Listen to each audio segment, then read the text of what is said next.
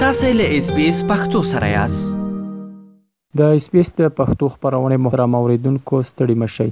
رحیم الدین وړیا خیل یم له افغانستانه تاسو ته د افغانستان او سیمې د تیر یوې اونۍ مهمې پیښې په لنډو ټکو وړاندې کوم هیله ده چې تر پایه مې ملتیا وکوئ. د تیرې اونۍ د پیل موضوع دا چې سپینې ماڼۍ تیره اونۍ د مې په یوویشت مه وویل، چې د دوحې تړون د دې لامل شو چې وسله وال طالبان پیاوړي شي. د دوحې موافقه چې د دوه زره او شلم میلادي کال د فبروري میاشتې پر نهه ویشت مه د طالبانو د استازي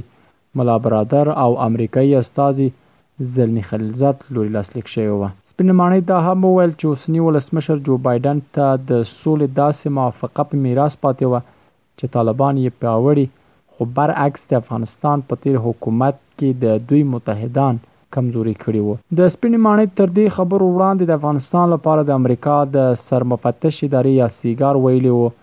د امریکا او طالبانو ترمنځ موافقې د امریکا او افغانستان ترمنځ اړیکو کې ډېره بې باوري رامنځته کړې وه. د سیګار په حواله د موافقې زیاتې برخې پټې وې چې ګومان کېږي د طالبانو او واشنګټن ترمنځ ډېرې پټې لیکلې او شفاهي هوکړې پکې وې. سیګار دا هم ویلي و، هڅه یې وکړه د امریکا له دفاع او بهرنیو چارو وزارتونو د دوحې تړون سره د مل شویو ضمیمو یو کاپي تر لاسه کړي خو غوښتنه یې عملي نه شوه. له افغانستان څخه د امریکایي او ناټو ځواکونو تر وتلو وروسته د افغانستان تېر جمهوري نظام نسکور او طالبان د دوه زره او یوویشتم کال او طالبان د دوه زره او یوویشتم کال د اګست په پنځلس مه په کابل کې واکمن شول خو تر دې دمه د امریکا په ګډون د نړۍ کوم هېواد د هغوی حکومت په رسمیت نه دی پېژندلی.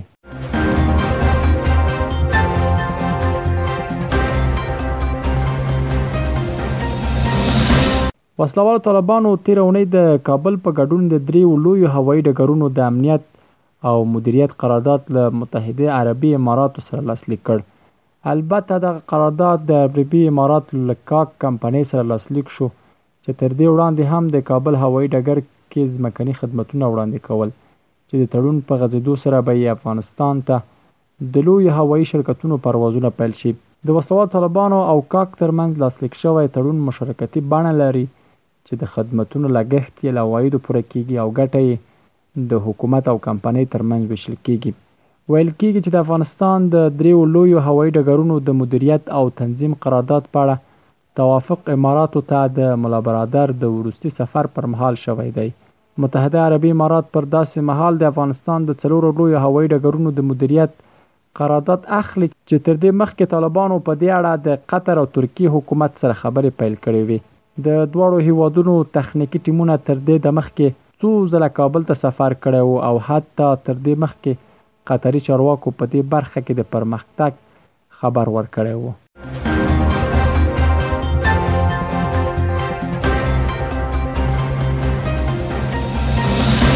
امریکا او دریو نورو هیوادونو په یوه څلور اړخیزه اعلامیه کې وویل چې باید له افغانستان نه د ترهګرۍ د روزنې او یا مالي سرچینو د تمویل ځای په توګه استفاده ونشي. د امریکا، جاپان، استرالیا او هندوستان لومړي وزیرانو په دغه اعلامیه کې د افغانستان په اړه د ملګرو ملتونو د امنیت شورا د دوه زره او یوویشتم کال د دوه زره او پنځه سوه او نهه ویشت ګڼې پرېکړې په عملي کېدو ټینګار کړی چې له مخې یې باید هېڅکله افغان خاوره د نورو هېوادونو په ضد ونه کارول شي. د ملګرو ملتونو امنیت شورا البته دغه فرمان تېر میلادي کال د اګست په دېرشمه د روسیې او چین په نه موجودیت کې د دیارلسو مثبتو رایو په درلودلو سره تصویب کړ. د ملګرو ملتونو امنیت شورا په دغه پریکړه لیک کې په ټینګار سره ویلي وو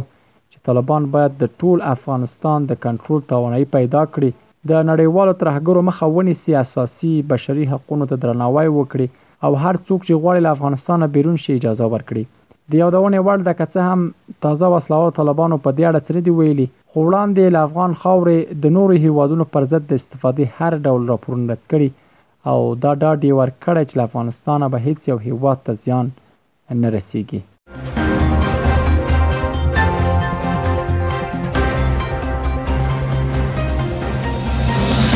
پاکستان په پام کې لري د زیاتو اقتصادي فعالیتونو د اسانتیاو او مسافرو د مدیریت په مقصد له افغانستان سره نورې سرحدي دروازې پرانیزي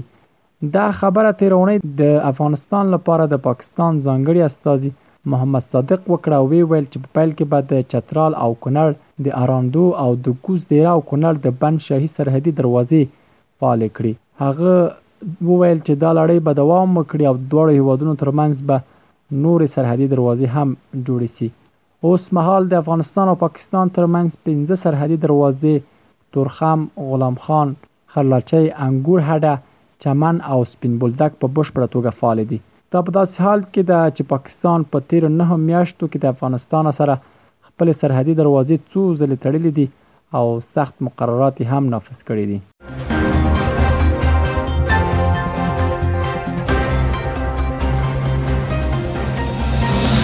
د ملګرو ملتونو د امنیت شورا له وسله والو طالبانو وغوښتل چې د ښځو او نجونو د بشري حقونو د محدودولو له پالیسیو لاس واخلي. په هغه بیان کې چې تیره اونۍ د امنیت شورا د د واړه پنځلس غړو هیوادونو له لوري تصویب شو، د هغه محدودیتونو له کبله چې طالبان د نجونو پر زده کړو، د ښځو پر کار او تګ راتګ او په ټولنیز ژوند کې د هغوی پر بامفهومه او انډول ګډون لګولې دي، ژوره اندېښنه څرګنده کړه. امنیت شورا په ټینګار سره ویلي، چې دا محدودیتونه د نړیوالې ټولنې له توقعاتو او هغه ژمنو سره په ټکر کې دي، چې طالبانو کړې دي. د افغانستان د ګاونډي هېواد چین، امریکا، روسیې په ګډون د امنیت شورا غړو د دې بیان ملاتړ کړی. وسلهوالو طالبانو بیا د امنیت شورا دې اعلامیې ته په غبرګون کې ویلي، پر افغان ښځو د محدودیتونو په اړه دغه اندېښنې له واقعیت څخه لرې دي.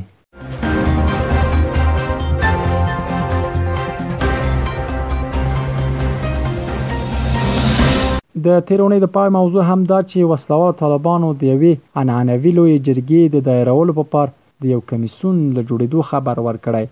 که څه هم تر اوسه د دې جرګې د ترسروې د جرګې د دقیق وخت د بحث موضوع د ګډونوالو او نور جزیات په هکله څه نه دي ویل شوي، خو ټینګار شوی چې په دې جرګه کې به ټول افغانان په ځانګړي ډول په سوله کې اغېزناکه څېرې راوبلل شي. دا هم لا څرګنده نه ده چې په دې جرګه کې به هغه کسان او سیاستوالو ته هم بلنه ورکړل شي او که نه چې د طالبانو له واک ته رسېدو وروسته جلاوطن شوي دي. ځینې کتونکو د طالبانو له دې اقدام هرکلی کړی، خو دا هیله یې څرګنده کړې چې دا غونډه به هغه مهال